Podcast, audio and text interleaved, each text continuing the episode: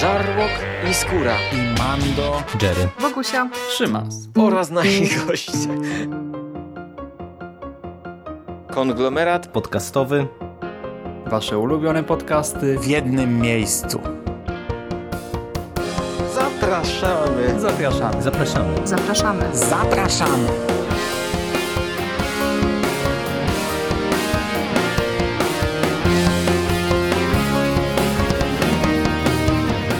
Witam w konglomeracie podcastowym, czyli na platformie, która zbiera wszystkie wasze ulubione podcasty w jednym miejscu. Po tej stronie Szymon Szymaś-Cieśliński i dziś opowiem wam o pewnym serialu. Ja nie żyję w jaskini, więc o The Office US słyszałem wiele razy. Znałem kilka memów i fragmentów, kilka właśnie, kilkanaście, kilkadziesiąt pewnie, ale tak się złożyło, że nigdy serialu jakoś świadomie nie oglądałem. Nie widziałem chyba żadnego epizodu w całości przed teraz, e, tym seansem dwóch sezonów. A dlaczego postanowiłem nagle narobić zaległości i czy biuro e, wersji amerykańska 17 lat po premierze nadal jest tak samo dobre i mięsiste jak w 2005 roku? No tego dowiecie się z dzisiejszej audycji. Zacznę może od tego, że jeszcze gdy chodziłem do podstawówki, to był tam taki Paweł i ja szedłem w Orszaku Króla i go spotkałem i potem jeszcze pojechałem na Krzywą na narodziny Syna Bożego i po drodze do domu panny Sauer wtedy jeszcze i już do domu pojechałem. Paweł Mateja, bo o nim mowa. Paweł Mateja, którego z biuro opowiadań omawialiśmy niedawno w nawiedzonym podcaście w trzech odcinkach i którego też znam e, w związku z moją współpracą z serwisem Carpe Noctem regularnie polecał całej właśnie redakcji Carpe Noctem nadrobienie serialu The Office. Zarówno tego brytyjskiego, oryginalnego, jak i późniejszego e, amerykańskiego i Paweł wielokrotnie powtarzał że e, on lubi sobie puszczać sitcomy do śniadania. Wiecie, takie niezobowiązujące seanse, a że ostatnio też potrzebowałem czegoś mniej wymagającego i wesołego. Jezu. A na Amazon Prime e, dostępne jest właśnie całe The Office US. To odpaliłem sobie pierwszy sezon. Boże, ja w tym podcaście będę o, wzdychał, płakał, śmiał się. Zacznę od tego, że naprawdę nie wyobrażam sobie, jak można to oglądać do śniadania, jako taki stały rytuał na poranne rozluźnienie. I jasne, niektóre odcinki można pewnie łyknąć e, w miarę względnie bezproblemowo, ale niektóre są tak upiornie niezręczne, że ja sam e, no musiałem się ratować e, wielokrotnie pauzą. I to nie pauzą wykonaną myszką, oglądałem na laptopie. E, czy spacją, e, tylko pauzą wykonaną klawiszem Escape, żeby wyjść w ogóle na moment z pełnego ekranu, wyjść e, z, w ogóle z odtwarzania, tak całkowicie zakończyć seans i przygotować się na spokojnie psychicznie na ciąg dalszy. Biuro, wersja amerykańska, to sitcom zbudowany na naprawdę skrajnych postaciach. Pierwszy sezon powstał w 2005 roku, kiedy to rzeczy akceptowalne i nieakceptowalne wyglądały trochę inaczej niż obecnie. E, w czasach, kiedy seksizm, rasizm i inne fobie społeczne miały się troszkę lepiej niż teraz i to tutaj czuć bardzo mocno, bo serial wyśmiewa te wszystkie skrajne postawy, ale jednocześnie robi to w taki sposób, że pozwala bohaterom być właśnie takim skrajnym seksistą, e, rasistą, e, homofobem, etc. E, pozwala bohaterom na takie teksty, które dzisiaj pewnie by już nie przeszły w telewizji czy w kinie, Teksty, od których naprawdę uszy więdną i nie wiadomo, czy się śmiać, czy płakać, czy krzyczeć. Akcje śledzimy z punktu widzenia ekipy dokumentującej pracę w biurze, mamy więc taki paradokument tutaj tak naprawdę. Jest to biuro działu sprzedaży firmy handlującej papierem. Z jednej strony dostajemy masę ujęć pracowników w trakcie wykonywania swoich obowiązków, czy też w trakcie jakiejś takiej firmowej integracji, a z drugiej strony dostajemy też setki na twarz E, z komentarzem konkretnej osoby z tego biura e, wpatrzonej w oko kamery. Co istotne, filmowcy pozostają bierni i pozostają transparentni. Nie zadają pytań, nie komentują wydarzeń, milczą. Czasami e, słyszymy zadane przed chwilą pytanie, gdy jest powtarzane przez pracownika przed kamerą. Czasami mamy po prostu jakąś sytuację w pracy, cięcie, komentarz jednej lub kilku osób do tej sytuacji, cięcie, powrót do ujęć z pracy i po prostu widzimy tych ludzi, jak rozmawiają ze sobą, jak nie wiem, odgrzewają sobie jedzenie, zamawiają jedzenie, wychodzą gdzieś razem na miasto, e, spotykają się w sali konferencyjnej, przemawiają, e, są zamęczani przez swojego szefa, wykonują telefony do klientów i tak dalej, i tak dalej. Kierownikiem działu i szefem tego biura jest Michael Scott. I to on dostaje najwięcej czasu antenowego. W tej roli Steve Carell. I jak Steve Carell jest genialny, tak grana przez niego postać jest nie do wytrzymania. Jest naprawdę nie do zniesienia. To nie jest takie zło wcielone, jakiś ham, psychopata czy coś takiego. To raczej prostak o wielkim ego, które jest jednocześnie odpowiedzią na ogromne kompleksy i jeszcze facet ma okropne poczucie humoru, z czego nie zdaje sobie sprawy i czego nie w ogóle nie dopuszcza do świadomości. Jest naprawdę beznadziejnym komikiem. Jest fatalnym komikiem, który bez przerwy próbuje żartować. Na pewno wszyscy znamy chociaż jedną taką osobę, która nie ma poczucia humoru zbyt dobrego, a stara sobie czasem zażartować. I Przemnóżcie sobie takie wspomnienia razy milion i wyjdzie wam Michael Scott. E, po prostu jest beznadziejny, a gdy absolutnie nikt nie reaguje na te jego żarty, e, a przynajmniej nie reaguje pozytywnie, no to nie nachodzi go nawet odrobina refleksji, wyczucia, tak, nic takiego. On po prostu zarzuca wszystkim dookoła brak poczucia humoru, robi krótką przerwę, a potem kontynuuje swój cringe fest. I niezręczność i cringe to właśnie dwa słowa klucze w kontekście całego biura, przynajmniej tych dwóch pierwszych sezonów. E, żarty Michaela no to, to jest tak ekstremalnie zły poziom. E, to nie chodzi o to, że one są niesmaczne, one są po prostu złe. One nie przeszłyby eliminacji do familiady. Może bawiłyby gimnazjalistę czy licealistę te kilkanaście lat temu w tamtych czasach, ale też niekoniecznie tak naprawdę a już na pewno nie średnio dojrzałego odbiorcę, e, bo to są takie żarty dla napalonych nastolatków, homofobów, rasistów i jasne, czarny humor może być zabawny, tak? Rasistowskie czy seksistowskie dowcipy mogą być zabawne, ale problem polega nie na braku poprawności politycznej, e, a na tym, że Michael nie jest zabawny. On po prostu psuje wszystkie praktycznie swoje żarty, do tego nie chodzi o E, łamanie tabu w obrębie e, samego dowcipu, a w obrębie jego zachowań społecznych. Facet rzuca seksistowskie teksty bezpośrednio do kobiet, ciśnie po czarnoskórych w rozmowie z czarnoskórym, obraża grubych w rozmowie z osobą otyłą i tak dalej, i tak dalej. E, I do tego robi to w taki właśnie ekstremalnie niski i nie, nie udany, taki nieudaczniczy, nie wiem jak to ująć teraz, sposób. Gdyby tam pracował jakiś Polak w tym jego biurze, dajmy na to Paweł, pozdrawiam cię Pawle, no to pewnie Michael z pięć razy dziennie wybierałby z biura krzycząc nie uwierzycie, ktoś ukradł mi auto, gdzie jest Paweł? Bo Polacy to złodzieje. Ewentualnie, nie wiem, może by wybrał coś na zasadzie cześć Paweł, słuchaj, jesteś z kraju Jana Pawła, powinieneś usiąść obok Takashiego, bo wiesz, Azjaci też są żółci.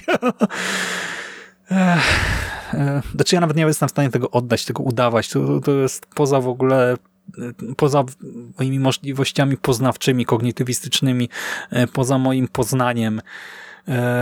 To, to jest niesamowite, jaki on poziom właśnie takiego skrajnego cringe'u osiąga tutaj, a że to sitcom kręcony trochę jako dokument, to my widzimy tego uradowanego Michaela i kilka, czasem kilkanaście niezręcznych wyrazów twarzy, bo ludzie dookoła niego no, są trochę jak my.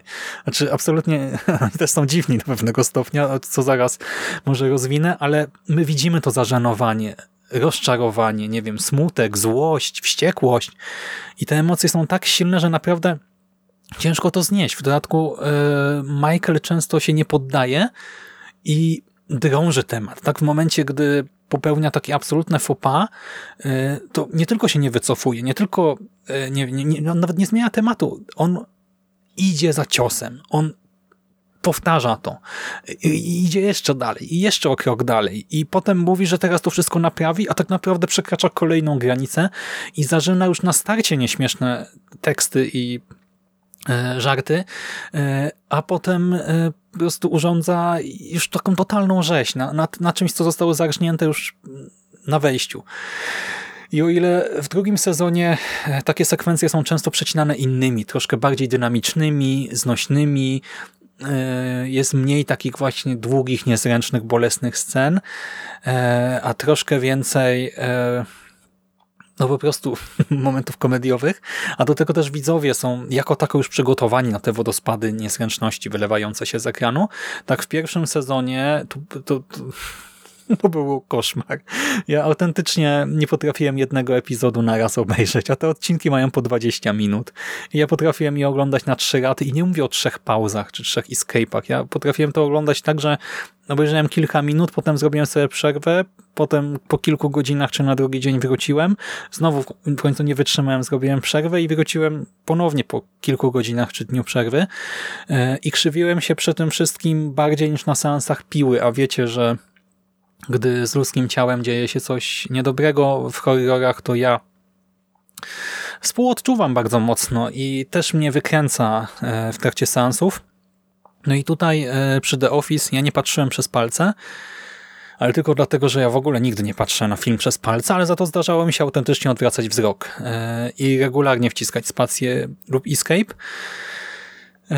W dodatku The Office jest tak kręcone, że to nie jest foreshadowing raczej, tak tego określić nie można, ale my często wiemy, że zaraz coś się wydarzy, że zaraz zdarzy się coś okropnego, nieznośnego, że Michael przekroczy kolejną nieprzekraczalną granicę, że zaraz rzuci tekst, który by po prostu nam nie przeszedł przez usta, tekst, który nawet w obrębie żartu, takiego opowiadanego dowcipu jest, kurczę, już śliski e, i nieprzyjemny, a on to powie po prostu komuś w twarz albo, nie wiem, coś zrobi głupiego i to z tych rzeczy, które on robi głupie, to też są naprawdę okropieństwa.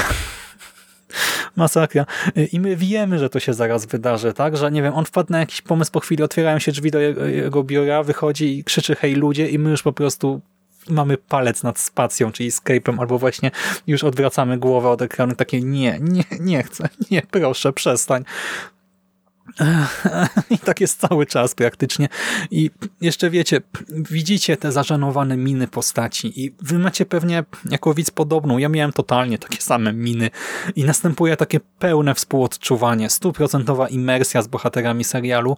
Przechodzi człowiek katarzis, e, zaczyna mieć dość życia na tej planecie, obcowania z innymi ludźmi, w ogóle wszystkiego. I to doświadczenie jest tak przejmujące, tak bolesne i tak nieprzyjemne, że robimy sobie te przerwy, ale potem wracamy po więcej. To jest no, taki totalny przykład masochizmu. I jeszcze oprócz tego nieśmiesznego szefa idioty mamy wiele innych barwnych postaci, z których część jest też przerażająca. Na szczególną uwagę oczywiście zasługuje grany przez Reina Wilsona Dwight. Dwight Schrute, który jest po prostu niedojrzałym socjopatą, psychopatą, jest też fanem Gwiezdnych Wojen. Lubi Gwiezdne Wojny, polowania, broń, prowadzi farmę buraków, ma manię wiedzy, proszę, nie wiedzy, władzy. Z wiedzą to u niego kiepsko tak naprawdę, mm, ale tak władzę kocha, fascynują go tortury, lubi upokarzać innych, bardzo chciałby być zastępcą Michaela, a w dłuższej perspektywie pewnie nowym menadżerem nowym szefem, nie wypracował absolutnie żadnych kompetencji miękkich, nie potrafi nawiązywać relacji z ludźmi, w czasie wolnym ogląda głupie filmiki, gra w RPG, pewnie siedzi na czanach, no bo to jest taka typowa właśnie postać szczanów, e, nie wie gdzie leży jak wygląda łechtaczka, ale za to potrafi strzelać z kuszy i przez tę swoją niedojrzałość i gikowskie pasje momentami można go uznać za pociesznego, ale jednocześnie mamy cały czas z tyłu głowy, że facet jest niebezpieczny, że facet e, no może zrobić coś strasznego. Mamy z tyłu głowy te jego militarystyczne zapędy, ksenofobiczne poglądy, więc no nie zdziwiłoby mnie fakt, gdyby któregoś dnia postanowił wystrzelać sobie część współpracowników, nie wiem, podpalić jakiś meczet, wysadzić stację metra, albo gdyby w przypadku utraty pracy zamienił się w Jacoba, kurczę, z hostelu zła E, See No Evil, taki horror z 2006 roku. I to też jest niesamowite, że wykreowano postać, która jest trochę takim wielkim dzieckiem, takim troszkę pociesznym e, głupkiem. On jeszcze dodatkowo nie odróżnia e, ironii, nie, nie, nie wyłapuje ironii i bierze wiele rzeczy za prawdę objawioną, tak od razu, przez co też momentami nawet możemy mu trochę współczuć, tak? Mo można by pomyśleć, że poklepalibyśmy go po pleckach, ale jednocześnie wiemy, że facet jest ostro i że absolutnie no trzeba na niego uważać. E, jeżeli chodzi o resztę obsady, mamy Jennę Fisher jako Pam Beasley i Johna Krasińskiego jako Jima Halperta. I to są postacie, z którymi akurat mamy empatyzować. Oni są w miarę sympatyczni. E, Jim też pozwala sobie na różne dzikie akcje w biurze, ale to właśnie w ramach swoich starć z Dwightem, e, więc wiadomo, że kibicujemy raczej Jimowi. Pam natomiast jest taką sympatyczną e, sekretarką, e, troszkę napastowaną przez Michaela. Znaczy może inaczej, on sobie chyba nie zdaje z tego sprawy, ale rzuca do niej takie teksty, że się robi niedobrze gdy się to ogląda właśnie w 2022 roku. E, dalej mamy Leslie'ego Davida Bakera jako Stanleya Hudsona i to jest taka postać umiarkowanie neutralna, też ma swoje momenty, bo każdy po prostu z tego castu ma swoje genialne sceny, ale Stanley jest taką trochę postacią jednak z boku. Trochę właśnie czasami się stawiającą Michaelowi, czasami będącą ofiarą jego żartów, ale jakoś tam w miarę neutralną. Mamy Briana Baumgartnera jako Kevina Malona. Jezus Maria, Kevin, jaki on jest obleśny, jaki on jest śliski, obrzydliwy, okropny. Jest kilka takich e, scen, gdzie on się tylko, nie wiem, obliże, czy zaśmieje, e, czy wykona jakiś inny taki gest, co, coś zrobi z twarzą i po prostu mamy ochotę puścić pawia w tym momencie. Jest nam niedobrze, czujemy się brudni. E, też no, geniusz aktorski, tak? I tutaj scenopisarski i reżyserski, no bo ktoś też właśnie no, pracował z tym aktorem na planie, ale jednocześnie rzecz, która się potem śni po nocach jako koszmar. E, zresztą podobnie śni się Angela Kinsey, która się wciela w Angelę Martin, bo Angela to jest taka Elza z biura, taka po prostu współczesna nazistka, też właśnie straszna ksenofobka, homofobka, etc. E, I do tego mająca bardzo dziwną, nie wiem, pasję, hobby, E, no też raczej jej z nią sympatyzować nie będziemy i kibicować jej również. E, a w dodatku ma się ku sobie z Dwightem, co też jest w ogóle no wywołuje bardzo silne emocje u widza, myślę. E, mamy też Kate Flannery jako Meredith Palmer i Phyllis Smith jako Phyllis Vance. Dwie panie, które też są nie wiem, no obiektem takich żartów, że właśnie szczęka opada, a Phyllis e, która zresztą odpowiada za castingi, jeżeli się nie mylę. Phyllis Smith odpowiada za castingi, a i postać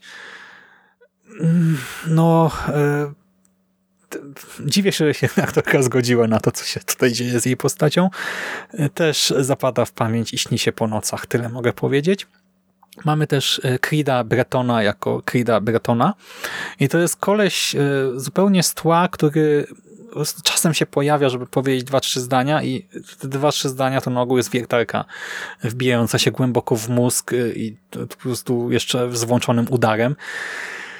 Mamy Oscara Nuneza jako Oscara Martineza i Oscar akurat znowu jest taką postacią troszkę na środku, raczej z nim sympatyzujemy. Jest raczej norm tą ostoją normalności w biurze, Mamy też Mindy Kelling jako Kelly Kapoor e, i BJ Nowaka jako Ryana Howarda i tutaj to jest dwójka scenarzystów, jeżeli się nie mylę, wcielających się w postacie zbiora. E, I Kelly Kapoor to jest czarnoskóra, taka słodka idiotka, której się buzia nie zamyka, a Ryan Howard to jest stażysta, osoba z zewnątrz, która jeszcze nie przywykła do tego, co się dzieje w biurze E, trochę taki ulubieniec e, Michaela jako ten młody, ambitny chłopak i też jednocześnie mm, osoba, w której zakochuje się Kelly, więc tutaj też mamy ciekawą chemię, chemię między tymi postaciami. Też są po prostu genialni.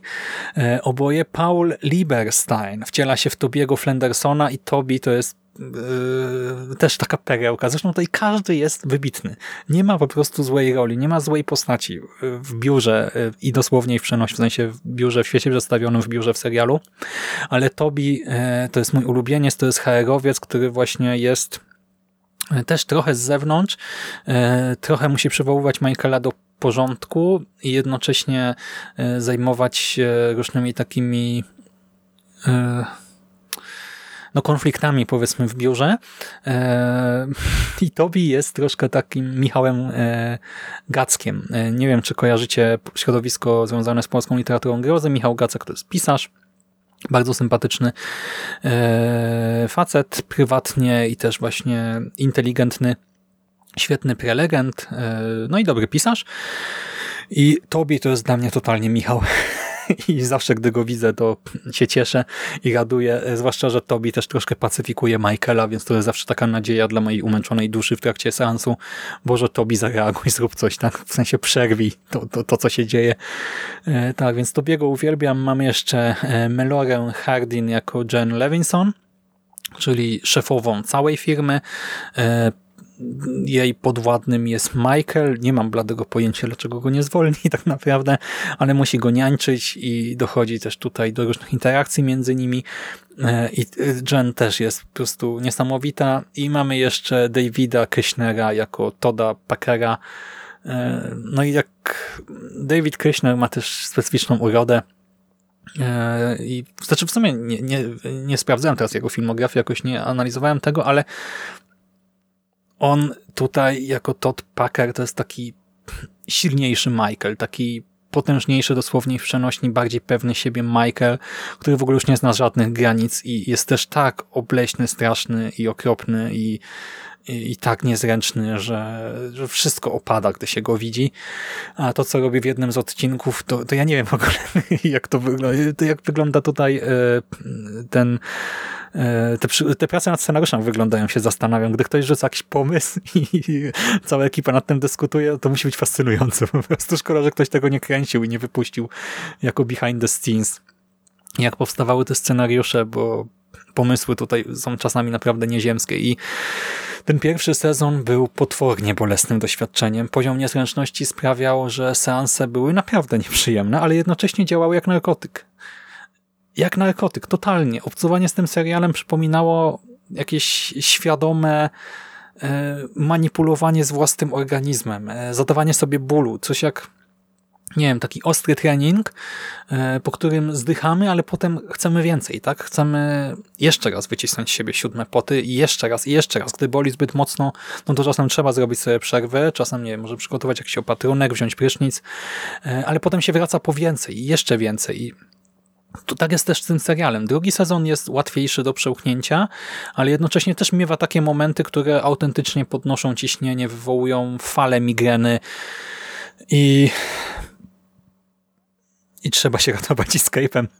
E, dodatkowo my już się e, zżyliśmy e, po tym pierwszym sezonie z bohaterami, nawet jeżeli nie wszystkim kibicujemy, nie wszystkich lubimy, czy nie wszystkich rozumiemy, to podglądanie ich jest szalenie wciągające. E, wciągające i podniecające.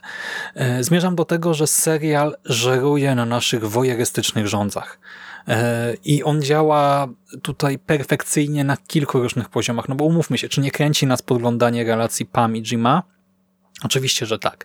Czy nie kręci nas podglądanie Dwighta i Angeli? Oczywiście, że tak. Czy nie fascynuje nas odkrywanie kolejnych niepokojących faktów z życia Creeda, czy właśnie Dwighta? Oczywiście, że tak fascynuje nas to, chcemy tego więcej i taki przeciętny, prosty widz pewnie e, widzi siebie w takim jeszcze krzywym zwierciadle, czy swoich kolegów, etc., i czerpie taką przyjemność trochę jak teraz ludzie z oglądania trudnych spraw i tych wszystkich paradokumentów. W sensie yy, widzimy ludzi, którzy robią głupsze rzeczy niż my, więc myślimy sobie, że jesteśmy lepsi yy, i czerpiemy z tego jakąś przyjemność, a do tego właśnie możemy wyśmiać pewne ekstremalne postawy, yy, tylko no trudne sprawy nie, nie operują a właśnie aż takimi ekstremami.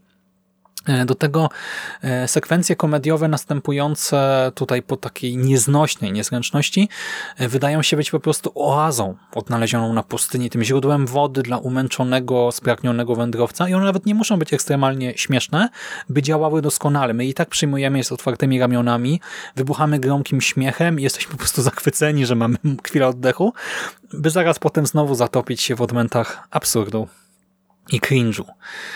Ja aktualnie, tak jak powiedziałem, jestem po dwóch sezonach, czyli na 29 odcinku z 201. Jeżeli skończę pozostałe 7 sezonów, ja w ogóle myślałem, że tych sezonów jest mniej, a jest ich jeszcze 7. Jeżeli to skończę, to zgarnę Pawła na jakiś długi dwugłos o całości. Ja będę opowiadał o moim bólu i fascynacji wojeryzmie, a Paweł będzie was zasypywał ciekawostkami, bo ma ekspercką wiedzę na temat tego serialu i tak, to jest doskonały plan. Nieprawdaż? Jeżeli dotrwam, ale tym myśleniem życzeniowym właśnie zakończę dzisiaj tę audycję. Jeżeli nie oglądaliście The Office, to polecam. Dużo bólu wam sprawi. Takiego no właśnie podniecającego, przyjemnego bólu. O Jezu, tak. E, ale polecam, tak. E, Tylko nie do śniadania. Tak, to nie jest dobry sitcom na dobry początek dnia. E, To raczej właśnie w ramach jakiegoś takiego odreagowania, takiej dawki silnych emocji. Chyba, że ktoś właśnie tego potrzebuje, ale nie, nadal chyba nie chciałbym zaczynać tak, nie wiem, pracy na przykład od połowy odcinka The Office. Nie, nie jestem na to jeszcze gotowy. W każdym razie będę oglądał dalej pewnie e, i być może też coś jeszcze na ten temat nagram. Dzięki za uwagę. Dajcie znać, czy kojarzycie biuro i czy podzielacie moją opinię. I do usłyszenia następnym razem. Trzymajcie się. Cześć.